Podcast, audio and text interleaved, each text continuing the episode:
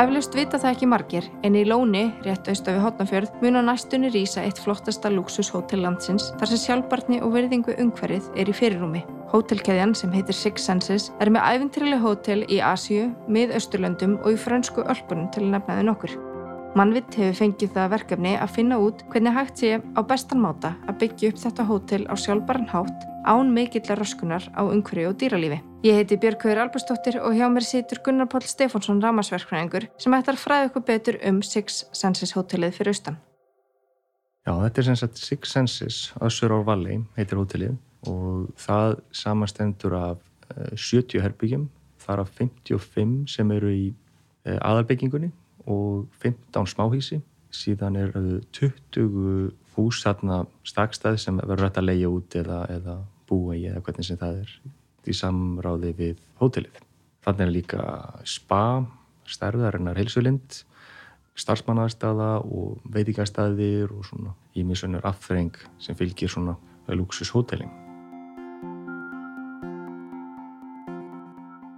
Þetta er keðja sem að fókusera mikið á sjálfbærni í sínum rekstri, virðingu við umhverfið, rækt við nær samfélagi sem þeir eru í og okkar verkefni í þessu hefur verið að eh, samræma þeirra sín við aðstæðunar hérna í lóni uh, hjá höfni Hortnafyrir og hvað maður að segja, það eru ymsar áskorunir sem fylgja þessu svæði, það er alltaf ábáslega að fatta þetta, mikið útsýni og hérna, dýralíf.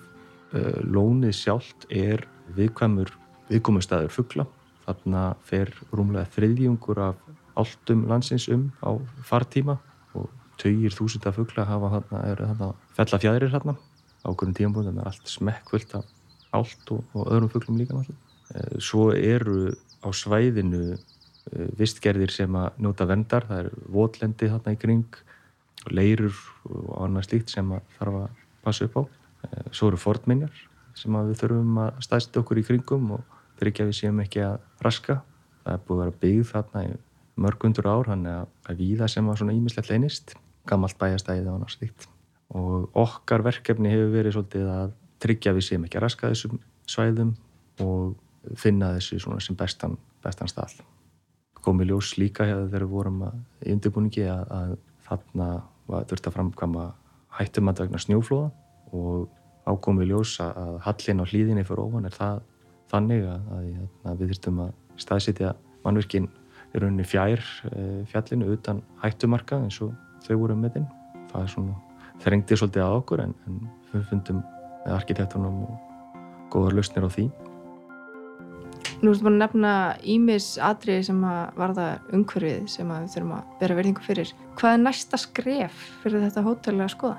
Næsta skrefið fyrir okkur þarna var þá í rauninni að finna leiðir til að vinna í kringum þessar áskorunir og það sem við fókusum á þegar kemur að sjálfbærninni í þessu verkefni er að, er að vinna brímvottun fyrir hönnunar og frangvandastíð og þá eru við að beita matsaðferð á sjálfbærni verkefnisins og við horfum á nokkra flokka sem að uh, skipta máli þegar kemur að sjálfbærni. Uh, eitt sem dæmi er orkunútkunin. Þá erum við að reyna að lámarka orkunútkun bygginga og sæðis, mannvirkja á sæðinu. Við notum, þetta er, er kallt sæði, það er ekki heitaveita þarna, þannig að við þurfum að kynnta allt með rammagnin eru við að nota varmadælur eða varmastöðvar til þess að lámarka orkunútkun. Við erum að einangra húsin betur en kannski alla jæfna. Nota orkusparandi lýsingu, ramastæki og annað stíkt. Annað sem unir í, í þegar kemur sjálfbarni það er fókusin á innivist, það sé góð loftgæði inn í húsunum og svo framvegis. Efnisnótkun, það er reynd að finna efni í nærum hverfinu, byggingarefni til að nýta. Það er til dæmis, erum við að horfa á, uh, það þarf að fara fram ákveðin jarfiðskipti á sveðinu, þannig að við í staðin fyrir að keira því öll í burtu með tilherendi raski og uh, bara mengun frá ekstri, þá erum við að nota það í, í, til að mynda skjól þarna og auka hljóðvist á svæðinu og annað slíkt. Þannig að við munum nota í rauninni þetta sem við mókum upp í byggingu á öðrum hlutum á hótelinu og umhverfið þess? Já, já, skulum segja til að búa til uh, hljóðmannir og smá landmótun í sjálfu sér. Þetta er eins líka horti í vassnótkun, það er að segja að spara og fara vel með það vatn sem við höfum. þáttur að við séum heppin hérna á Íslandi að hafa mikið vatn og þá á þessu tiltegna svæði, þannig á Suðusturlandi, þá er ekki eins auðvöld að afla vatns eins og hérna á höfburgarsæðinu. Það verður ennþá mikilvægir að þarna að, að fara sparlega með það. Þannig við erum reyna að horfa til þess að þetta hótel verði brímvottað þannig á Suðusturlandinu. Já, algjörlega. Og ekki bara það, heldur stefnaði líka á það framkvæmdaræðilinn að fara í svansvottun á reksturinnum sjálfum. Það voru í rauninni þeirra starfsreglur og allt teknar út með tilliti til sjálfbærni og, og hérna, umhverjusendar og það er aftur vottað að fyrirtækið er, hótelið er reikið með sem umhverjusvænustum og sjálfbærum hætti. Eh, Sannsvottunin er eh, vottunarkerfi hérna á Norðurlöndum sem er bara orðið mjög virt og er hort til. Það má líka nefna það svolítið kannski framhjálöpi við þessa sjálfbærni að, að það er oft rætt um græn skuldabröf. Það er svolítið hot topic í dag. Og þegar úr komum með hótelverkefni sem kannski er ekki að fyrsta sem hann er dettur í hug í svona, að þegar úr komum með brímvottun á hönnununa, framkvæmdina þú ert komið með svansvottun á reksturinn, að þá fallast lík verkefni inn í þennan flokk að þú getur farið í grænt skuldabröðutbúð Það þarf að huga ansi mörgu þegar að kemur að lífríkinu þarna í kring. Og við hefum farið í þó nokkrar pælingar í kringu það núna í aðranda verkefnisins.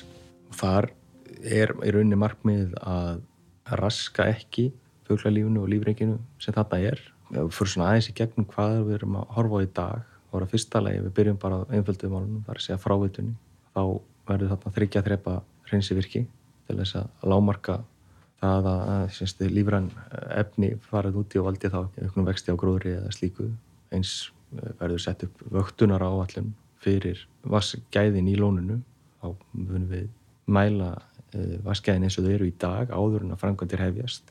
Setja síðan upp vöktunar áallun þar sem að á framkvæmda tíma meðan við erum að reysa hótelið og síðan eftir að komi í rekstur.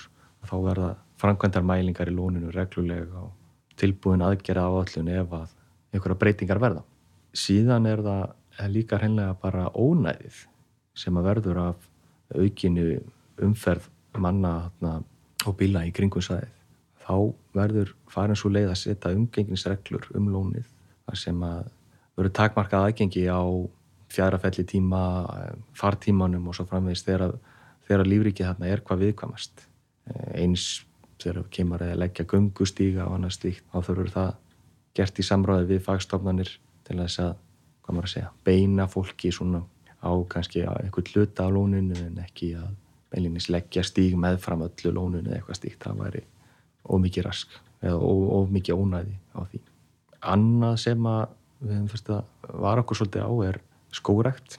Það er að segja ætlunum er að vera þetta með hvað? 52 hektara svæði undir skórekt og svona við fyrstu sín þá hljóma það bara mjög jákvægt og þannig að vera kólöfnisjafna verkefni og rækt upp land og annað.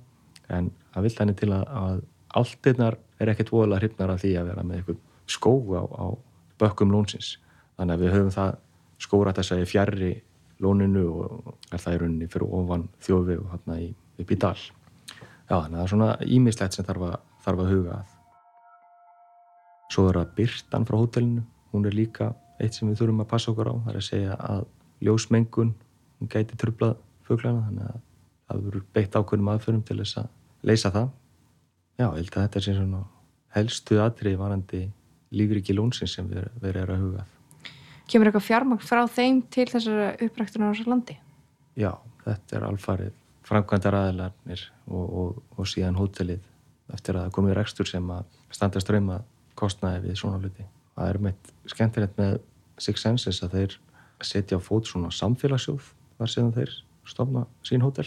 Eh, þar sem þeir taka, hvað, já það er halvt prósend af tekjum hótelsins er lagt í, í samfélagssjóð og þeir nota þann sjóð þá til að styrkja verkefni í nærsamfélaginu eða, eða já, sem snúa að umhverfisvend eða sjálfbærni eða reynlega einhverjum samfélagsverkefnum til þess að styrkja svona nærumhverfið og annað sem að þeir gera er að þeir vilja endilega íta undir vísindastarf og rannsóknir á lífrikinu í kringu sig.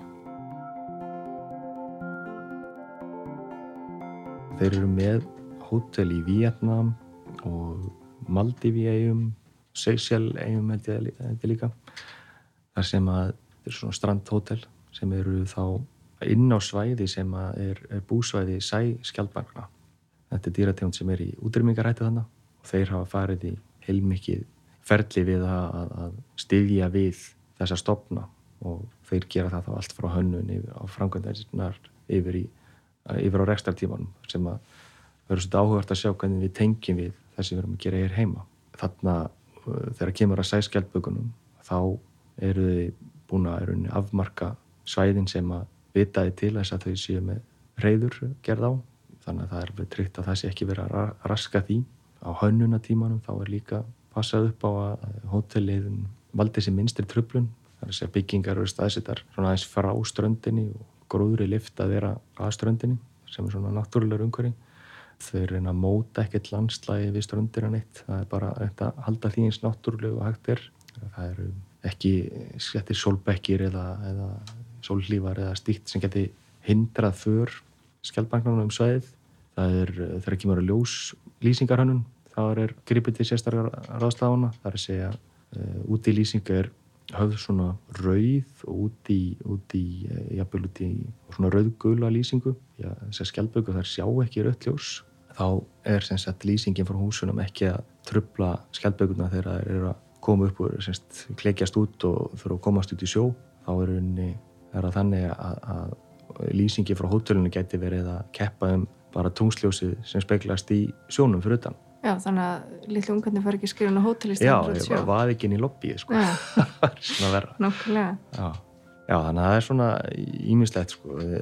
þeir hafa lýsinguna þannig að hún sé sem lægst í umkörunu, það er þessi útilýsinguna hafa hana af eins litlum styrk og hægt er og eins skermaðir alla lampa og slíkt þannig að lýsingin breyðist ekki út um allt svæðið fókus er hann þá niður á eitthvað gungustík eða hvað sem verður að lýsu Já.